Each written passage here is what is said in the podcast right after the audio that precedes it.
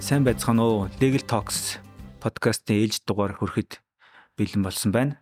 За энэ удаагийн дугаарыг нээлттэй нийгэм форум болон за Монголын хуульчтай холбооны захиргааны эрх зүйн хорооноос хамтран зохион байгуулж байгаа.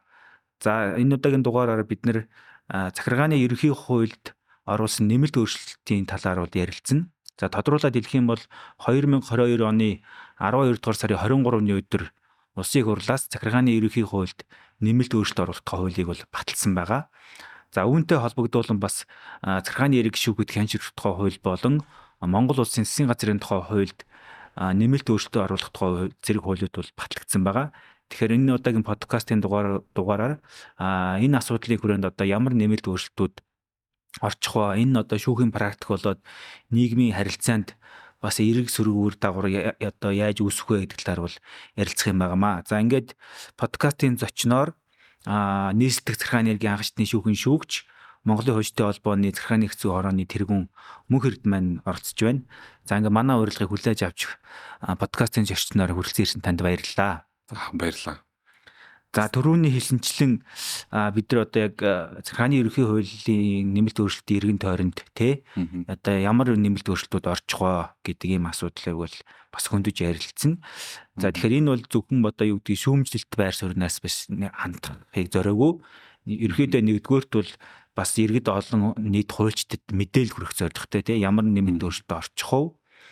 За энэ эрэг сүргүүр дагавар бас яаж гарахаар байна гэдэг талаар бол ярилцах юм байна. Миний санаж байгаагаар бол энэ нэмэлт өөрчлөлт маань бол 2000 баг 18 оноос хойш эхэлж бол яригдчихсэн санагдаж байна. Одоо захааны эрхцүү хороонд өдөр цовл дээр одоо энэ төслийг хилцээ санал одоо хөрвүүлж хийсэн тий. Тэгэхээр энэ нэмэлт өөрчлөлтийн маань одоо анхны үзэл баримтлал маань бас ямар байсан одоо ерөнхийдөө ямар хөө өөрчлөлт орчих уу гэдэг талаар эхлээд ирээг эхлүүлье гэж бодож байна. За за подкастад урьсанд баярлалаа юуны өмнө. Тэгээд подкаст үзэгч болон сонсогч нартаа энэ өдрийн мэндийг хүргэе.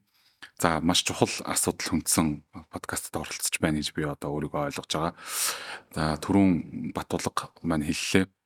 Энэ захиргааны ерөнхий хуульд нэмэлт өөрчлөлт оруулах тухай хуулийн төсөл бол үндсэндээ яг одоо төсөл нь бол 2020 он онд бол бичигдсэн. А тэрнээс өмнө 2018 онд нөгөө хууль зүйн дотоод хэргийн яамны захиалгаар хаанс сайдлын санг эргцэн боловсрал активын дэмжлэгтэйгээр нөгөө захиргааны ерөнхий хуулийн хэрэгжилтийн үр дагавар дүн шинжилгээ хийсэн. За энэ дүн шинжилгээ бол өөрөө энэ захиргааны ерөнхий хуулийг яаж сайжруулах вэ те. За одоо 2016 онд батлагдсан хууль тухайн үед бол нэг 2 жил гаруй үйлчлэлт явж ирсэн те. Тэгээ юунд болохгүй байна? Юуг нь засаж залруулах шаардлагатай байна? Юунд болж байна гэдэг дээр бол яг ингээд мэрэгжлийн судлаачдын баг гараад тийм ээ өргөн бүрэлдэхүүнээр бол ажилласан. За тэр судалгааны ажилд хоёул ажигсандээ гар бие оролцож исэн. болохоор одоо мэдж байгаа тийм ээ. Яг бүгдээрээ баг туваагдаад ингээ ажилласан шүү дээ. Тэгээд тэр судалгааны үр дүнд бол үндсэндээ энэ захиргааны ерөнхий хуульд оруулах нэмэлт өөрчлөлтийг боловсруулсан боловсруулсан нэг одоо үндэслэл нь болсон гэж тухайн үед бол нөгөө хуулийн төсөл боловсруулсан засгийн газрын гишүүн буюу одоо хууль зүйн дотоод хэргийн яамнаас бол одоо хилж исэн. Тий.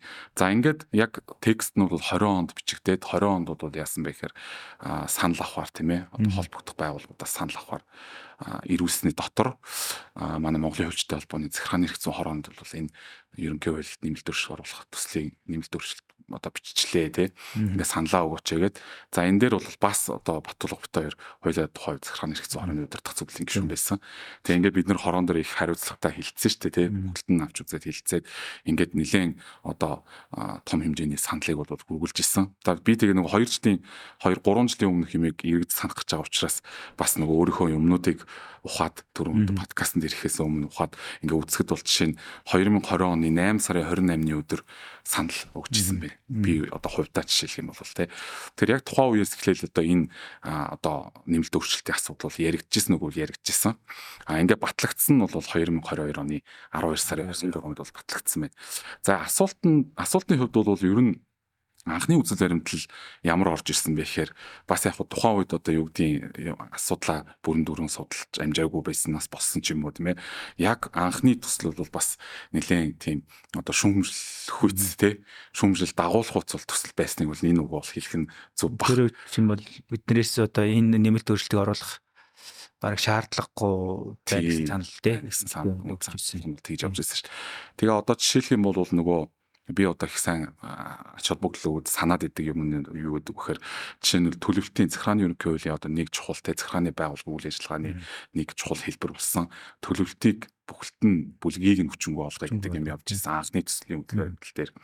За тэр нөгөө 1995 оны иргэдээс төрийн байгууллага албан тушаалтанд гаргах өргөдөл гомдлыг хян шийдвэрлэх хууль гэж байдаг. Тэр хуулийг хүчингү олгоод түүгээр зохицуулж ирсэн харилцааг захиргааны ерөнхий хуулийн гомдол шийдвэрлэх журам руу нэгтгэе гэдэг үзэл баримтлал явж исэн.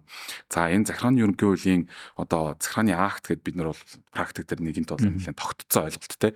Энэ ойлголтод одоо нэг чухал үүрэг гүйцэтгэдэг энэ 37-гийн 7 гэдэг нөгөө юу нийтлэг шинжээр тодорхойлогддог те тодорхойлж болох үс тооны этгээд чиглэсэн буюу захиргааны актын тусгай тохиолдлыг жишээ нь одоо нэлээ өөрчлөхөөр тийм болохоор юм орцсон байсан ч гэх юм. А мөн түншлэн нөгөө захиргааны байгууллагаас гаргаж байгаа захиргааны акт чинь дотор нөгөө эерэг үйлчлэлтэй сөрөг үйлчлэлтэй захиргааны акт гэж хэлж байгаа шүү дээ. Тэр ангиллыг жишээлбэл хүчингү болгоч гэдэг юм уу те. Иймэрхүү бол бас жоохон одоо тухайн үедээ шүүмжлэлт агуулгууд бол өөрчлөлтүүд бол байсан. Үг бол байсан. А нөгөө талдаа бас сайн те одоо илүү сайжруулсан захиргааны байгууллагын үйл ажиллагаанд нэмэртэй а эргэн хуулийн этгээд эрх ашигыг хамгаалах талдаа бас акц дэвшил гаргахгүйц бас залтууд байсан уу? Өөрчлөлтүүд байсан уу бол бас байсан. За одоо жишээлх юм бол энэ дээр нөгөө юуг дурдж болно. Захиргааны хим хэмжээний ангалттай холбоотой орсон өөрчлөлтүүд. Тэр бол бас л практикаас урган гарсан бэрхшээлүүдийг те одоо засагч залруулахад чиглэсэн ийм одоо нэмэлт өөрчлөлтүүд байсан байж ах жишээтэй. За тэр нөгөө юуны а хууль зүйн техникийн хувьд тэ жахан алдаатай байсан бичигдсэн байсан батлагдсан байсан юмнуудыг залгамжлах ч гэдэм юм те ийм бас дэвшилттэй зүйлүүд бол байсан. Та ерөнхий агуулгаараа эхлээд бол хэлэхэд бол ийм ингэж хэлж болохоор байна. За ер нь төрөний хэлсэнчлэн бол яалтчгүй одоо техникийн шинжтэй нэлээд засварууд бол орсон. За би бас нэг подкаст эхлэхээс өмнө харлаа. Зэрхааны ерөнхий хууль хэрэгжиж гиснээс хойш 14 одоо нэмэлт өөрчлөлт бол орсон байна. Орсон байна. За ихэнх нь бол 12 нь баг өөр бусад хуулийг одоо батлахтаа дагуулдуулж орсон нэмэлт өөрчлөлтүүд бол байна. За хоёр нь бол яг ингээд бие даасан байдлаар үзэл баримтлал нь боловсруулагдаад орсон нэмэлт нэмэлт өөрчлөлт байна гэж харлаа. А нэгдүгüүрт нь бол тэр одоо бидний сайн мэддэг 3 дугаар зүйлийн 3.1-7 улс төрийн шийдвэр гаргах ажиллагаатай холбоотой зохицуулт бол одоо нэг удаа өөрчлөлт ороод ерөнхийлөгч хориг тавиад дахиж одоо өөрчлөлт ороод орсон юм зохицуулт байна. За одоо хамгийн сүүлийнх нь одоо яг бидаас үзэл баримталтайгаар боловсруулагдаад За ингээд орсон нэмэлт төршлүүд одоо энэ 2022 оны 12 сарын 23-ны өдөр орсон. Бас нилээдгүй томоохон хэмжээний өөрчлөлт байгаа нь бол онцлог юм байна гэж харж байна. За энэ хүрээнд аваад үзэх юм бол бас зарим нэг зүйлүүдийг бас ярилцмаар зүйлүүд байна гэж харж байна.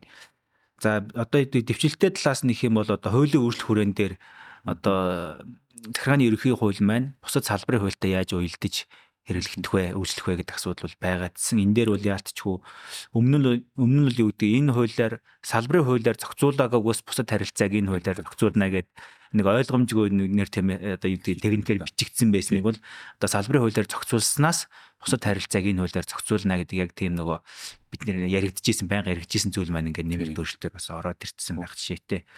За тэгээд элт хууль бацархааны акт тий 47 дээр байгаа.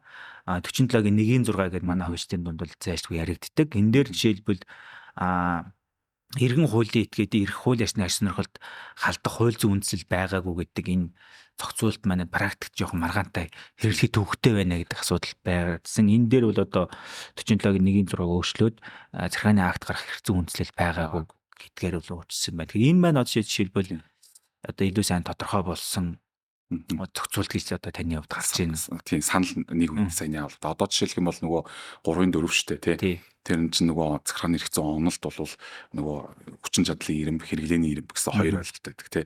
Тэнгүү захиргааны хэрэгцүүд бол хэрэглээний ирэмб нь бол доороосоо хэрэгцүүн хэмжээний хүчин чадлынхаа доороос эхэлж хэрэгэлдэг тий. Тэр өөрөөр хэлэх юм бол наривчлсан зохицуулттай журам наривчлсан зохицуулттай хууль төрүүлж хэрэглэгдээд а тэр наривчлсан зохицуулттай хууль журамд одоо зохицуулт байхгүй байгаа тохиолдолд сая захиргааны ерөнхий хуулийг хэрэглэхээр тий. Өөрөөр хэлбэл энийг нөгөө субсидиар баг зарчим гэж хууль зүйн ухаанд хэлдэг шүү дээ. Тэр яг энэ зарчимд бол нийцүүлсэн томьёолыг бол хийж баталсан За энэ дээр бол санал нэгнэ. Энэ бол бас төвшлөлтэй зүйл болсон.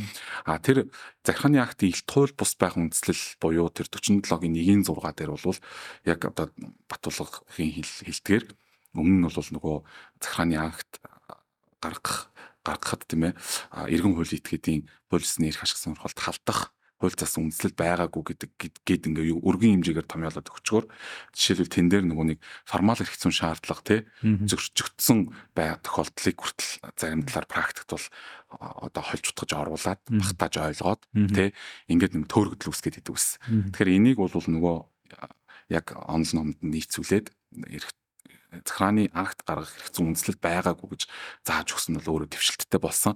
А тэгвэл бас энэ дээр нэг зүйл хэлэхэд бол 2002 оны өвчнг болсон захирааны хэрэг хян шилжүүлэх тухай хууль байсан шүү дээ. Энэ хууль дээр үл яг байсан даа. Яг энэ тэр хууль дээр байсан заалтыг нь үндсэндээ бол хуучин заалтаа эргэж сэргээж оруулж ирсэн гэсэн үг. Тэгэхээр энэ хүрээнд бол яг тухайн үед бол тэр 91-ийн 91-ийн 7 байсан тийм 91-ийн 7-д байсан тэр хэрэгцээ үндэслэл байгаагүй гэдгийг ойлгохдоо шийдвэр гаргахад та ерөөсөө хууль үндэслэегүй нэг дэх тохиолдол. А хоёр дахь тохиолдол нь болохоор ерөөсөө тухайн одоо захирааны актаар зохицуулж байгаа харилцааг зохицуулсан хуулийг бариагүй тэ? Одоо ямар ч хамааралгүй хуулийг барьсан ч гэдэм юм. Ийм илт одоо хармагц илт одоо хууль бус гэдэг нь ойлгох тухайц тийм алдааг бол энд ойлгохоор ингэж оруулж гисэн. Өөрөөр хэлбэл энэ бол яг захиргааны хэрэгцээ онолд бол нийцсэн томьёол хийсэн гэж ингэж санал нэг байна. Усын дээжхийн тайлбар бол тийм усын дээж үгсэн байгаа шүү дээ. Тий 22-ны захиргааны хэрэгэн шийдвэрт хууль. За дараагийн нэг нэмэлт өөрчлөлтүүд энэ захиргааны гэрээнтэй холбоотой хэсэг дээр орсон. Өөрөөр хэлэх юм бол ямар харилцаанд захиргааны гэрээг хэрэгжилж болох вэ гэдэг дээр бол концессийн харилцаанд харь хэрэглэнэ гэдэг бол хүчингү болсон байна. Тэгэхээр энэ дээр бол яг хуу концесс төрөх төрөх хувийн хөвчлийн түншлэлийн тухай хуулийг шинээр батлагдсантай холбогдуулаад а энэ цаалт маань ингээд хүчингү болсон байна. За тэгээд одоо өмнөх хэсэгт нь бол дэд бүтцийн гэсний өмнө бол төрөө хувийн хвшлийн түншлэлийн харилцаанд гэдэг ийм заалт бол шинээр нэмсэн байгаад байгаа. Тэгэхээр энэ дээр одоо ямар бас дүгнэлт хийж болохоор байна. Тийм. За энэ бол их одоо бүр тухайлан судлах хэрэгтэй сэдв гэж би судлаач одоо хараад байгаа юм. Яагаад гэхээр одоо нөгөө бид нар мэдж байгаа шүү дээ. Одоо засгийн газрын баримталж байгаа, төрийн баримталж байгаа концепц бол өөрөө нөгөө бүх ажлыг төр хийх биш тий. А хувийн хвшилтэд бас эрхээ шилжүүлэх замаар өөрийнхөө зарим чигүүргийг шилжүүлэх замаар чаддаг юмыг нь хувийн хвшлэрийг хийлгийа гэдэг нөгөө 3P-гийн тий public private partnership гэдэг зарчмыг илүү илэрнэ шүү дээ. А гэхдээ энийг хийхдээ хийхдээ бид нар бол нэг зүйл эрх зүйн талаас нь нэг зүйл бодох хэрэгтэй байгаа байгаа энэ би бол судлаач хувьд бол тэгж үздэг. Юу гэхээр энэ бол өөр аягүй нарийн одоо жишээл тэр төв төр хувийн хвшлийн түншлэлийн тухай хууль гэдэг бол их нарийн ойлгохгүй. Яагаад гэхээр энэ төр хувийн хвшлийн түншлэл гэдэг харилцааны цаана зүгээр нэг эрх зүйн харилцаа байдаггүй. Тэ маш олон тооны эрх зүйн харилцаа нэгдэж байж цогцоороо энэ бол өөрөө төр хөвшил дэмжил бол ตก. За өөрөөр хэлбэл тэнд татвар хэрэгцсэн харилцааж явна, хөрөнгө оруулалтын хэрэгцсэн харилцааж явна, олон улсын хэрэгцсэн харилцааж явна, захиргааны хэрэгцсэн харилцааж явна, арилжааны одоо сүүлийн үед те манайх одоо арилжааны хууль шинээр батлах концепт бариад яваад шүү дээ. Тэгэхээр арилжааны хэрэгцсэн харилцааж явна, иргэний хэрэгцсэн харилцааж явна. Тэр ийм цогц харилцаа зохицуулсан хуулийг хийхдээ уг нь бол яг тэр салбар бүрийнх нь те мэрэгжлийн экспертүүдийг оролцуулж хийсэн бол илүү төхөн байж дээ гэж би ингээд дотроо одоо бодоод байгаа. За тэгээ энэ хүрээнд бол бас нөгөө Монголын хөлжтэй холбооны иргэний хэрэгцээ хорооноос бас подкаст хийгээд те тэрэнд бол би бас байр өөрийнхөө судлаачийн байр суурийг илэрхийлжсэн. Жишээлбэл төр төр хувийн хвшлийн түншлэлийн тухай хуулийг тухайд яг подкаст хийхэд бол батлааг байсан арай. Батлааг байхад төсөл нь юу гэж явж исэн бэхээр тэр төсөл хэвээрээ батлагдсан байлээ. Би дараа нь шалгаад үзсэн чинь тэн дээр жишээлбэл ингэж ингэж байгаа байхгүй. За түншлийн гэрээ гэдэг. За концессин гэдэг ойлголтыг бол түншлэл гэдэг ойлголтоор сольсон бол би бол зөв байна гэж харсан. Өргөн хүрээнд те. Концессин бол түншлийн нэг хэлбэр шүү дээ. Тэгэхээр тэр түншлэлийг концессин гэрээ гэдэг ойлголтыг нь болоод түншлийн гэрээ гэдэг ойлголт оруулсан байна. За тэгээд тэр түншлийн гэрээ нь бүр юугаар тэр хуульдаа заасан байгаа гэхээр хэм батуулга чи бас үзэрэй заа. Юугаар заасан байгаа гэхээр түншлийн гэрээ нь иргэний хэрэгцсэн гэрээ байна гэж бүр заасан. Аа тэгээд энэ гэрээнд захиргааны ерөнхий хууль хамаарахгүй. Бүр яг тийм тексттэй. Тийм. Тэгэхээр эн чинь одоо юу гэсэн үг вэ гэхээр одоо тэр одоо тэр түншлийн гэрээн дотор чинь захиргааны эрх зүйн харилцаа зөндөө явах боломжтой штэ. Тэ одоо бид нар захиргааны гэрээ гэдэг ойлголтыг хуваар хүрээнд аваад үзэхэд гэтэл тэрийг бол бүхэлд нь ерөөсөө иргэний эрх зүйн гэрээ гээд захиргааны гэрээ ерөөсөө огт биш гэд ингээ хийцэн хийцэн өөрөө өөрөө маш том асуудал. Тэгээ энэ бол их том асуудал даавуулна гэж би бол гэтээ бол даавуулна гэж ингэж харж байгаа. А дээрэс нь бас нэг одоо тэн дээр чухал юм юу гэхээр энэ чинь нөгөө төр хувьжлийн түншилж өөрөө дандаа одоо хийх тохиолдол дотоодын компаниудаас гадна гадны хөрөнгө оруулалттай компаниуд хийх ажлууд зөндөө байгаа штэ. Тэ. Тэнгүүд чинь нөгөө гадны хөрөнгө оруулалттай компаниуд чинь энэ манай энэ түншлэлийн гэрээ чи иргэний хэцүүн гэрээ гэдэг ингээд хуулийн дээр нь тэгээ заасан байгаа. Нөгөө эхлээд due diligence хийлэгдэж штэ гадаадын компаниуд чинь. Тэгээ энэ танаа гэрээ чинь ямар гэрээ юм бэ гэхээр чи иргэний гэрээ гэж хуулинд заасан байна. Гингүүд гадаадын хөрөнгө оруулагч нарт ямар одоо жоохон сэрэмжлүүлэг үүсэх вэ гэхээр өө эн чинь commercial те арилжааны гэрээ биш юм биш те. Тэгэхээр чи нөгөө арбитрийн жишээлбэл харьяалыг сонгосон байгаа тохиолдолд нөгөө манах чинь 1958 оны гадаадын арбитрийн арбитрийн шийдвэрийг бүлээн зөвшөөрөх түүний биелүүлэх тухай конвенцэд нэгдэж орохдоо тайлбартаа нэгдэж орсон байдаг тий. Одоо чи мэдж байгаа. Тэн дээр юу гэж бичсэн байдаг вэ гэхээр манай улс болвол зөвхөн commercial буюу арилжааны гэрээнд тэ холбогдуулж гарсан гадаадын арбитрийн шийдвэрийг үлийн зөвшөөрөл биелүүлнэ гэж аах. Тэгэхээр ийм жишээлбэл гэх мэт захиргааны гэрээнд гэрээнд үүсэх зөрчлөөс гадна өөрөө энэ арилжааны гэрээ биш болоод эхлэнгүүд дахиад арбитр дээр очиод маргаа үүсэх юу арбитрийн шийдвэрийг тэ биелүүлэх боломжгүй болох юм те. Иймэрхүү сөрөг үр дагаврууд байна гэж би бол хараад байгаа. Тэгэхээр яг гоо тэгээд бас явандаа энэ асуудлууд гарч ир практик гарч ирүү тэгээд бас засаг засагдах юмнууд бас явах байлгүй те.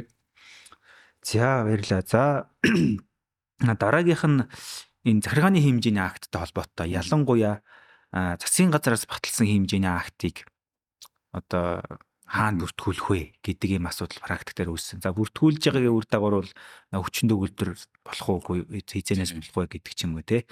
За үүнтэй холбоотой бас ерөнхийлөгчөөс бас зарим тохиолдолд хэмжээний актууд ингээ гаргаж гараад байна. Тэр одоо хэмжээний актыг хэрхэн яаж бүртгэх вэ гэдэг ч юм уу. Ийм асуудал дээр бол бас а яг ингээд нэмэлт өөрчлөлтүүд бол тодорхой хэмжээнд бол ингээд сайжруулад орсон байна гэж харж байна тий. Одоо жишээлбэл иргэдийн хурлаас баталсан хэмжээний актыг акт дээр одоо засаг дарга хориг тавих тийм боломж хугацаа байтал тэрийг харгалзахгүйгээр шууд одоо бүртгэх ч юм уу тийм зохицуулт байгаад байгаа нь бас зөрчилтэй байна гэдэг энэ дээр бас нэмэлт тодтгол бол бас хийж өгсөн байна гэж ингэж харж байна.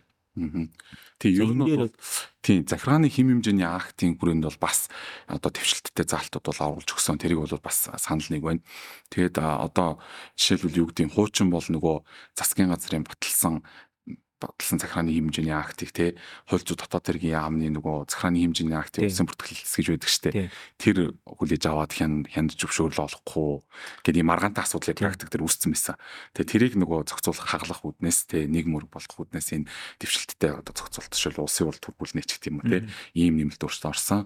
Аа тэгээ түрүүн чиний хэлдгээр ерөнхийлөгчийн гаргасан хэмжээний актыг яах вэ гэдэг орхигдсон байсан. Тэгээ тэрийг бол зохицуулж өгснөр бол давуу талтай. Аа дээрэс нь тэр нөгөө юуны захиргааны хэмжээний акт дээр акт дээр одоо нөгөө хугацаануудыг тодорхой болгосон гэдэг бол бас яг яг үнэн тэр бол нэмэлтүүд орсон.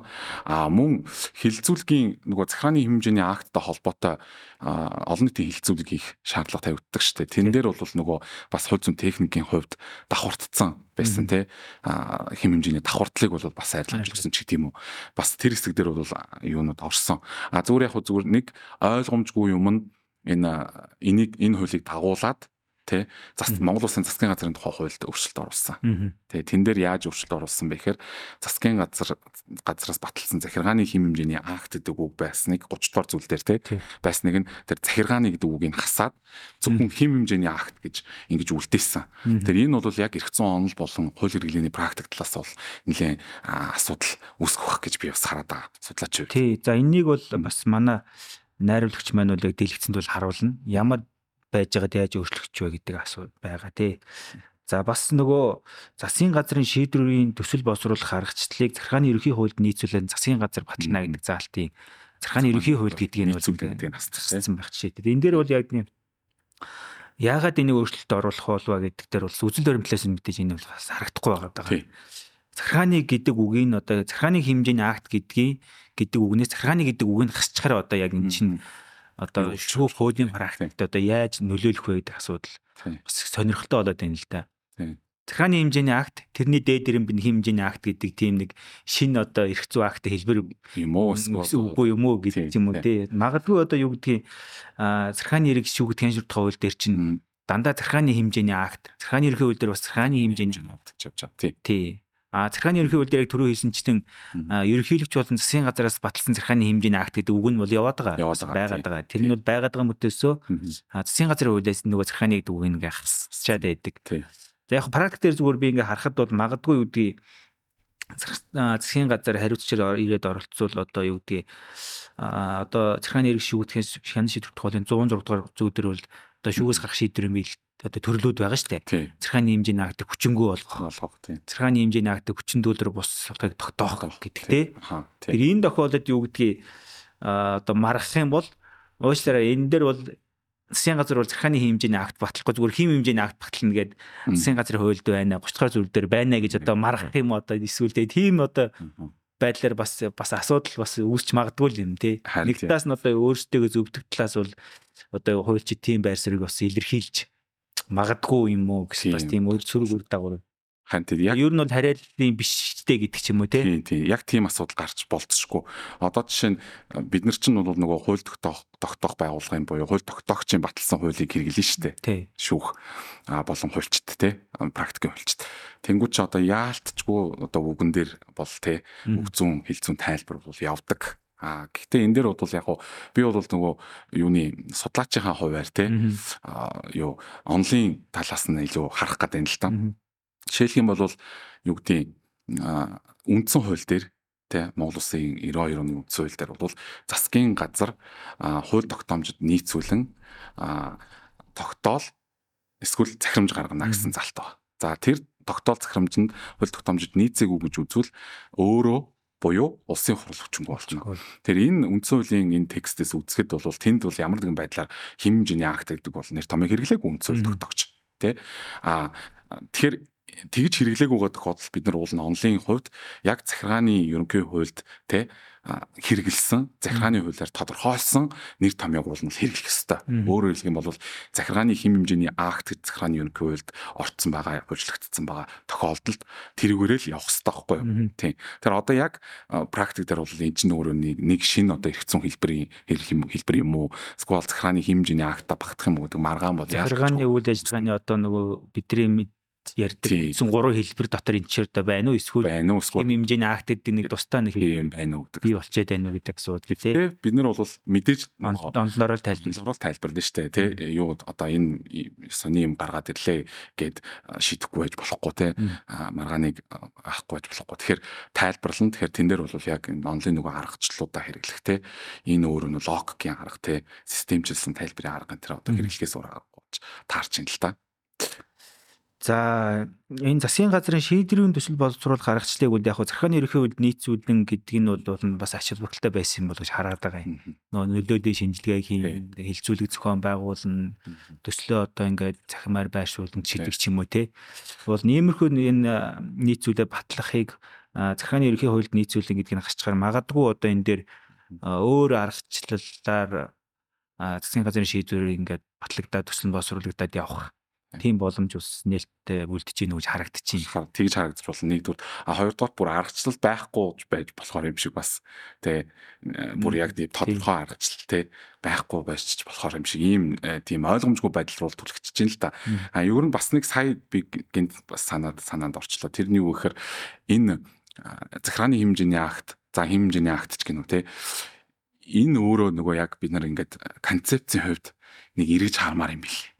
Юу гэхээр одоо барууны орнууд одоо бидний одоо үлгэр дуурайл авдаг те их зүйл төр хөгжсөн гэж ингэж э, одоо боддог. Энэ орнууд бол ер нь бол хууль тогтоогч өөрийнхөө нөгөө хууль тогтоох эрхийн шилжүүлэг хийж гэсэн үг дээ энэ чинь. Хууль тогтоох эрхийн шилжүүлгийг тэгж тийм амархан те нэх одоо ингээд хүссэн засгийн газар ч юм уу эсвэл засгийн газар харийн яамдууд ч юм ер нь өгөөд идэх юм билээ.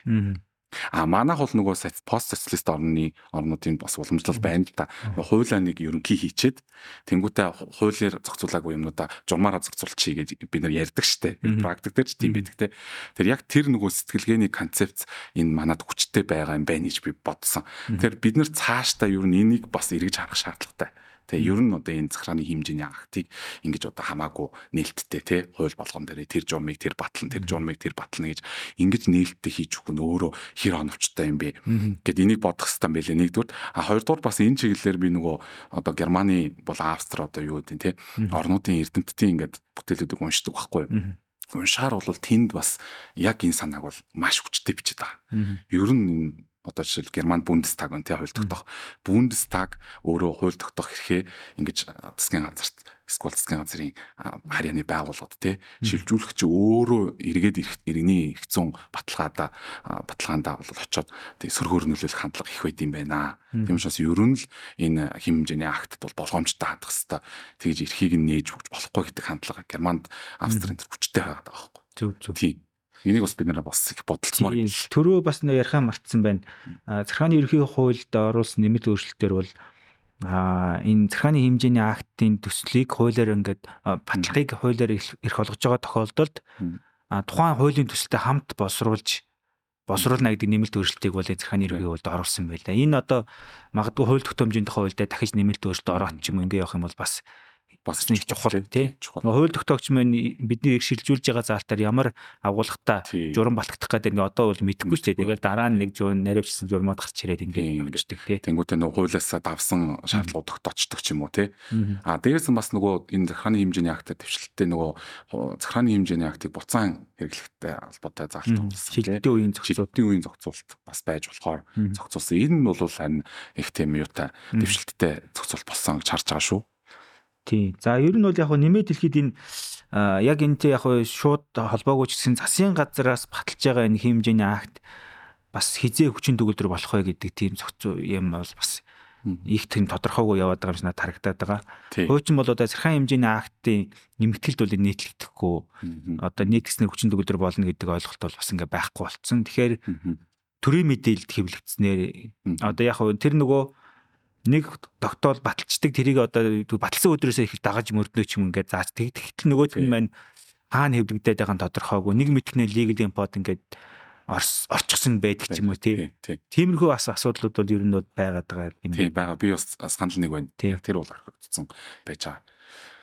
За ийм байгаад байгаа. За ингээд дараагийн асуудал бол энэ захиргааны хэрэг шүүгүүд хянширт хууль нэмэлт өөрчлөлт орсон. За энэ бол бас дэлгэцэн дээр та бүхэнд бол харуулсан. За нэгдүгüүрт нь бол энэ 65 дугаар зүйл дээр нэмэлт өөрчлөлт орсон байна. Одоо хэрэг хэрэг хан шивлэг төдөлзүүлэх зохицуулалт дээр иргэмний болон эрүү арбитрийн журмаар шийдвэрлэгдэх зөх хэрэг маргаан байгаа бол одоо тэтгэлзүүлнэ гэдгийн арбитрийн гэдгийг нь бол ингээ хасчихсан байна. Тэр энэ бол одоо юу гэдгийг техникийн шинжтэй косметик засвар байна уу? Эсвэл одоо энэ практикт бас бас нөлөөлөх үйс юм өөрчлөлт байв байна уу? За тийм энэ бол бас аюул чухал асуулт тавигдлаа.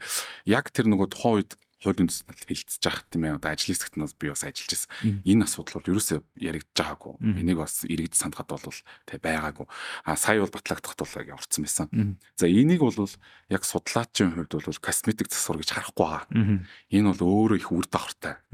Тэ ийм өөрчлөлт болчихж байгаа байхгүй. За өөрөөр хэлэх юм бол одоо эн чинь одоо шүүхэд тэ явахад ингээд нэг хэрэг үйл баримттай холбоотой тий а иргэний хэрэг ч юм уу эрүүгийн хэрэг ч юм уу за магадгүй захрааны хэргийн шүүгтэр ч гэсэндээ өөр хэрэг үүсцэн явж байгаа тохиол байж идэг тий а бас арбитрийн журмаар тий хэргийн шийдвэрлэх ажиллагаа явж байгаа тохиолдолд бол тэр хэрэгүүд шийдвэрлэгдэж дуусахаас нааш одоо жишээ нь юу гэдэг өөр төр байгаа хэрэг шийдвэрлэх боломжгүй байгаа тохиолдолд хэргийн шийдвэрлэх ажиллагааг төлөвлөлт агуулгатай тий Тэнгүүд жишээ нь яг энэ нөгөө онлайн талаас процесс эрхцэн онлайн талаас нэг чухал зарчим байгаа байхгүй тэр нь юу гэхээр least pendants гэж зарчим байгаа.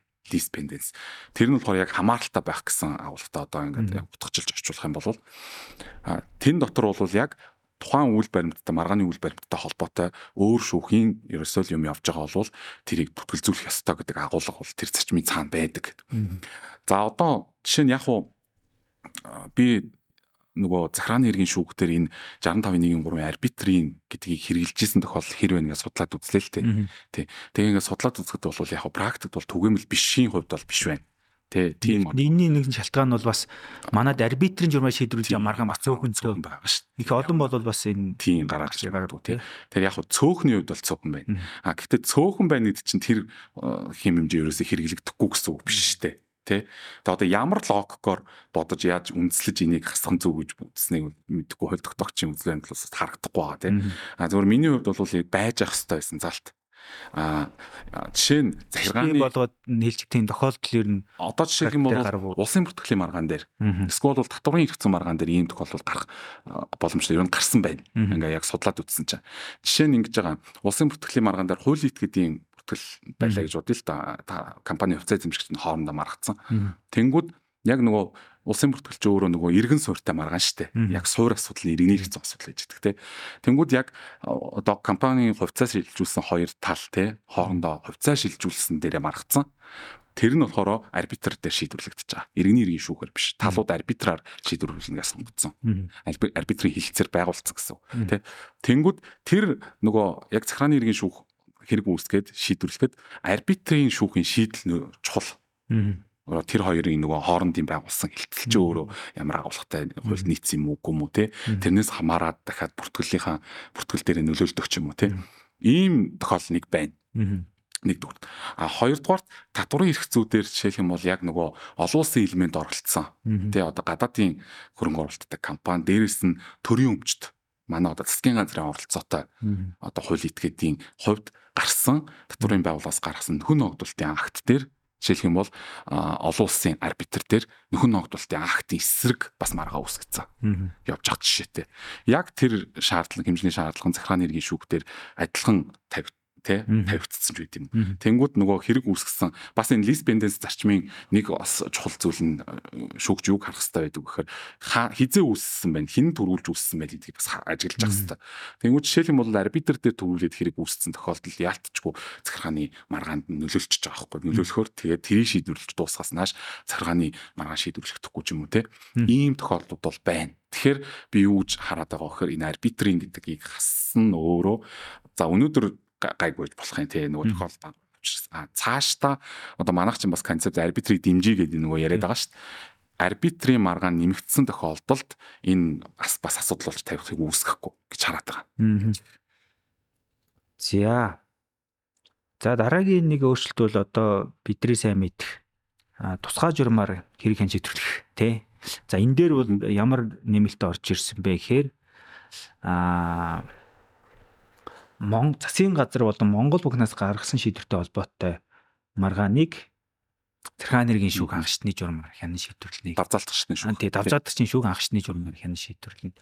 Энэ дээр бол яг нэг эхлээд асуултаа тодруулахад ер нь ингээд юу гэдэг бид нар ингээд тусгай журам гэж одоо гаргаж ирээд аа нөгөө энэ тэнд нөгөө шүүхүүдтэй ингээд ингээд тараагаад байх юм зөв юм уу? Нөгөө ингээд байвал нөгөө гурван шатны шүүх гэдэг юм байна учир холбогдол маань юу болох вэ? Юу болох вэ гэдэг асуудал дээр ер нь судлаачийн хувьд ямар байр суурь За энэ бол ер нь бас аюул чухал асуудал. Бүр явж явж энэ үндсэн үйл хэрэгцсэн асуудал бас болж хуурна. Ганцхан одоо процессын асуудалч биш тий. За яагаад хийж хэлж ийм вэхээр одоо үндсэн үеийн шүүгийн тогтолцоо ч өөрөө маань бүтэлг мэдж байгаа шүү дээ. Тэ гурван шаттай сая одоо чиний хэлдэг гурван шаттай. За гурван шатны шүүх гуруулаа өөрийн гэсэн чиг үүрэгтэй, өөрийн гэсэн эрх хэмжээтэй. Тэ За яагаад хүн төрөлхтөө одоо жишээлбэл хяналтын шатны шүүх, давзаалт шатны шүүх, анхан шатны шүүх гэж байгуулсан юм. Тэгээ тэр чин дандаа цаана нарийн учир холбогдолтой. Тэнгүүд чи одоо жишээ нь манай үндсэн хуулийн зүйл дээр чи мэдж шít. Яг жишээ нь дээд шүүх анхан шатны журмаар хэрэг хэн шийдвэрлэх боломжийг бол олгоцсон байдаг те манай үндсүүлээр. Гэхдээ хуульд заасан тохиолдолд гэсэн юм нөхцөл байж байгаа. Тэгэхээр энэ чэнэс үзэхээр яг нэг асуулт гарч ирээд байгаа байхгүй яг чиний асуултаа тэр нь холбогдно. Ер нь давзаалтгчны шүүхүүд анхаашны журмаар тэ шийдвэрлэх хэрэг маргаа өгж байгаа нь өөрөө үнцүүлийн үндэслэлт хэр нийцтэй юм бэ гэдэг асуулт гарч байгаа байхгүй нэгдүгээрт. А хоёрдугаарт ер нь тэ анхан шатны журмаар шийдвэрлэх маргааныг дээждний шүүхүүдэд ингэж өгөөд байх нь өөрөө хэр хомвчтой. Энэ бол ерөөсөө айгүй тийм одоо тэ нарийн юу судалгаа шаардсан энэ практикийн их тийм том сэдв байж байгаа байхгүй. А зүгээр би бас энэ нөгөө подкаст орно гэд бас германы юмнуудыг бас харлаа. Тэгсэн тэн дээр бас нэг их сонирхолтой юм байна шүү. Юу гэхээр Германы захиргааны иргэний дээж үгийн ерөнхийлөгч ор ажиллаж исэн Карл Рейнерт гэх хүн байсан. Саяхан тэтгэвртээ суусан. Тэгээ тэр хүний ярилцлагууд байгаа байхгүй хэд хэдэн ярилцлагууд. Тэгсэн чинь тэн дээр нэг сонирхолтой юм нь юу гэхээр Германд ч гэсэндээ дээд шүүхтэй ангашдны журмаар шийдвэрлэх маргаануудыг өгөөд байгаа юм билээ сүүлийн үед. Жишээл одоо дид бүтцийн шинжтэй маргаанууд дээр шүү дээ. Дээж үг ангашдны журмаар шийдвэрлэж тийм үү. Тэгсэн Карл Рейнерт ерөнхийлөгч бол тэрийг аягүй хүчтэй шүүмжилсэн байгаа байхгүй юу. Тэ. Энэ болохгүй тэ дээж үгч өөрөө хяналтын шүүхээ. Хяналтын шатны шүүхэд анхашдны журмаар хэрэг хилцүүлээд ээж болохгүй. Юуны төлөө анхашдны шүүх, давзаалтах шатны шүүх гэд хоёр шатны шүүх байгаа байлээ. Тэрэндээ хэрэг маргаанаа явуулж ах хэвээр ингээд шаардлагатай нөгөө хууль хэрэглээний нэгдмэл байдал ч гэх юм уу тийм юм дээр л асуудалтай байгаа тохиолдолд хяналтын шатны шүүхийн эрх хэмжээ оролцоо тэнд гарна. Тэрнээс биш хяналтын шатны шүүх бол тэ анхашдны шүүх байж болохгүй. Чи нэг таар явбал тэр маргаан нэг таар явбал маргаан цаана иргэний нөгөө эрх тийм юу лээ тий асуудал байгаа. Тэг яг тийм ярьцлага бол байсан шүү. Би яг тэр ярьцлагаа нөгөө талаас энэ бас хэрэг хянч төр ажиллагааг нь илүү хурдан явуулах тийм шаардлага бас байгаад байгаа үндслээр бас ийм оруудад эндэгч юм тийм бас Тэгж тайлбарлаад байдаг. Одоо их шүүгтэр удаашарч чинь тийм хэрэг хэн шийдвэрлэх ажлага удаашарч чинь гээд тийм үндслэл бол яадаг. За яг хуу Түүнээс том жижигээр нэрээ ялгаж яах болохгүй л хөтэй энэ. Энэ нэрээ том дээр бишний байгууллага учраас шууд давзаалтах журмөрлөө ингээ шууд явчих гэдэг ч юм уу тий. гэдэг ч юм уу тий. Яг хуу зүгээр тэн дээр тэгж тийм үнслэл бол яг яардаг тий удаашраад байна одоо засгийн газрын шийдвэртэй холбоотой маргаа эсвэл Монгол банктай холбоотой маргаа ч юм уу тий.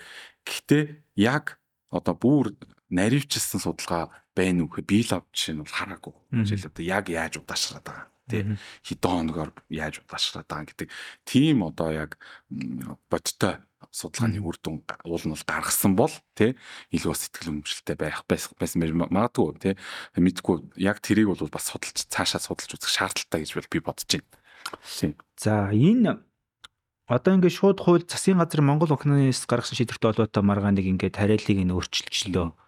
Шүүхийн практикт одоо яаж нөлөөлж юу? Ер нь бол яг хуу фэйсбુક дээр бас хуульч нар бичсэн байгааг харсан. Агшны шүүх дээр ингээд үүссэн маргаануудаа ингээд хүлээх бас татгалцаад байгаа нь бидэнд их чирэгдэл учруулж байна. Иргэдэд нэгэнт үүсээд ингээд хамаг нотлог хоримтуу цуглараад ингээд одоо ингээд бараг шийтгэл болцсон юм дээр шууд энэ хууль гараад гарангууд одоо хариалын бишээгээд хэмжлэгийг маань хүлээх татгацлаа. Одоо би эхнээсээ дахиад зэрхааныг давцаадагч шүүхэд хэмжлэг гаргаад явах ийм шаардлага гарчлаа. Дахиад хугацаа гарлаа гэдэг ч юм уу. Энд дээр үүдээ юу гэдэг ингээд шүүхүүд өөр дөрөө байгаа маргаанаа ингээд шууд давцаадагчны шүүхрөө ингээд шилжүүлэх тийм боломж бас байхгүй байсан юм гэдэг ч юм уу. Ийм асуудлууд ингээд хөндөгдөд байна л да. Энэ тал дээр одоо яг ингээд яг ингээд энэ процесстэй ажиллаж байгаа хүний хувьд За тий. Яг одоо подкаст хийж байгаа цаг мөчд бол над дээр бол тийм одоо марган байхгүй. Нэгдүгээр а нэг юу бол байсан. Тийм. За тэрийг бол яаж хийсэн бэхээр тэр шийдсэн тухайга ярихаас өмнө нэг зүйл хэлэхэд бол энэ захиргааны хэрэг шүүгд хэн шийдвэрлэх тухай хууль буюу бидний хэлдгээр процессын хууль те. Процессын хууль ч өөрөө шүүхийн шүүн таслах ажиллагааны үндсэн хууль шүү дээ тэ үндсэн хууль. Бид нар бол тэр хуулиас юусаа гаж бол ямар ч боломж байхгүй тэ. Тэгэхээр нэгэнд одоо процессын хууль байгаа зохицуултыг тэгээ түүнийг хэрэгжүүлж байгаа шүүгч бол дагаж шууд дагаж шууд дагах хугацаа мөгзаагээд өөрөө тавиаг бол үүрэгтэй. Тэгэхээр нөгөө сая нөгөө 12 сарын өнгөрсөн оны 12 сарын 23-нд батлахтаа хууль тогтоогч бол нөгөө шилжилтийн юу дагаж мөрдөх журмын хууль бол хийж өгөөгүй. Тэгээ жишээлбэл одоо яг энэ хууль гарахаас өмнө үсцэн байсан тэ кейс хэрэгүүд одоо шийдэх юм уу эсвэл авзаач зүр ингэ шилжүүлэх юм уу гэдэг тийм нэрвс юм ерөөс хийж өгөөгүй. Тэгэхээр тэр тохиолдолд яаж нөхөр нөгөө процесс үйл чинь буцаж хэрэглэхгүй шүү дээ тий шууд үйлчилж гисэн цагаас хашаага хэрэгжсэн цагаас хэрэгжээд явчихна. Энэ зарчмыг манай хуульчид мэдж байгаа тий.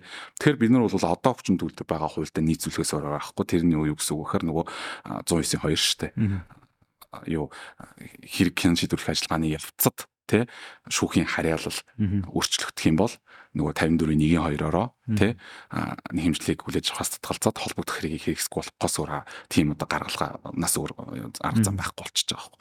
А зүгээр цаашдаа зүгээр яг хуу миний бодлоор э, процессын хуульд тий хэрвээ тийм нөгөө дааж мөрдөх жумын зохицолт хийгдэг байгаа тохиолдолд яах вэ гэдэг гаргалгааг бас хийж хүн зөв Ерөнхий тийм одоо зохицуулсан ерөнхий зохицолт тий одоо тий, хэлж юм. юм бол тий. тий тийм юм байл Тэгэхээр яаж тхүүл орноо одоо захиргааны ерөнхийн шийдвэрлэх хувьд бол одоо ингэсэн тохиолдолд шууд шүүхүүд хоорондоо ингээд хэрэгэ Шилжүүлнэ гэдэг. тийм зохицуултууд юус байхгүй.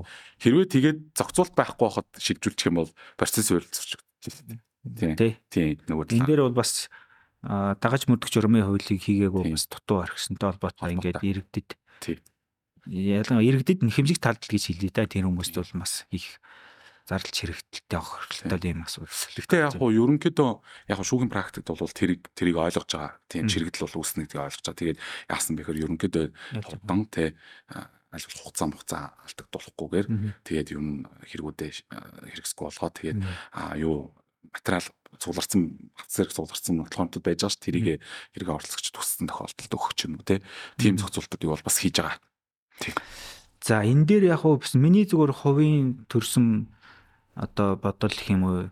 Ер нь бол хууль тогтоогчийн хүсэл зоригуулын засгийн газар Монгол банктай холбоотой хариуцлагчаар оролцож байгаа бүх маргааныг л одоо юу гэдгийг давзаалтах шин шүүх хангачны журмаа шийдвэрнэ гэдэг агуулгатайээр оруулсан боловч бас хийдэл байна гэж хараад байна л да. Тэр нь одоо шим шийдвэртэй холбоотой маргаан гэж байна. Гэтэл нөгөө захиргааны гэрээтэй холбоотой маргаа өсчүүл яах вэ? Тий. Одоо засгийн газар Монгол банк захиргааны гэрээ байгуулдаг ч юм уу те. Тий, тий. Захиргааны гэрээ чи бол одоо шийдвэр гэж үзэхгүй шүү дээ бас хэцүү шүү дээ. Тэр чинь хоёр тал харилцсан тохиролцсны үндсэн дээр Тий. байгуулж байгаа гэдэг юм те.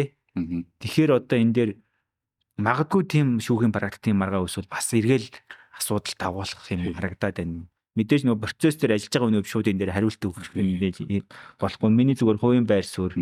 За шийдвэр гэдгүү магадгүй зүгээр Монгол засгийн газар Монгол банкны захиргааны үйл ажиллагаатай холбоотой маргаан гिचх юм бол тий ингээд бүх юм нь орчоод бол ингээд төгс зохицуулалт бас болох байсан болов уу гэж бодогдож байна зүгээр. Тэгэхээр энэ дээр бол бас л цаашдаа бас эргэж харах ч юм уу асуудал байна уу да гэж ингэж харлаа. Тий, тийм асуудал байж болно яг. А ерөн зүгээр түрүүн ярьсан тий. Ерөн цаашдаа ингээд субъектээр нь Мгм. салгаад тий авч үзээд онцлоод ингээд юу давцаалгачдын шүүхэд анхшны журмаар ингээ хэрэг маргаануудыг өгөөд байгаа чи өөрөө ер нь оновчтой байдаг их том асуулт байгаа. Тэрийг ерөөсөө бид мартчихлахгүй. Энэ Тий. цаад бас Энэний тий. цаана тий. Тэгээ яванд одоо магадгүй юу юм бүх захиргааны байгууллагууд салаад тасалж аваад тасалж аваад дээш нь тий захиргааны Мгм. хэрэг давзалтгчдын шүүхүүд өгөөд байх юм бол нөгөө анхаашдны шүүх шүүх тий Мгм. одоо эрх хэмжээ чигүүргийн хувьд өөрөө ямар болж хувирах вэ? Жишээлбэл Мгм. гэдэг асуудал байж байгаа байхгүй юу? Тий.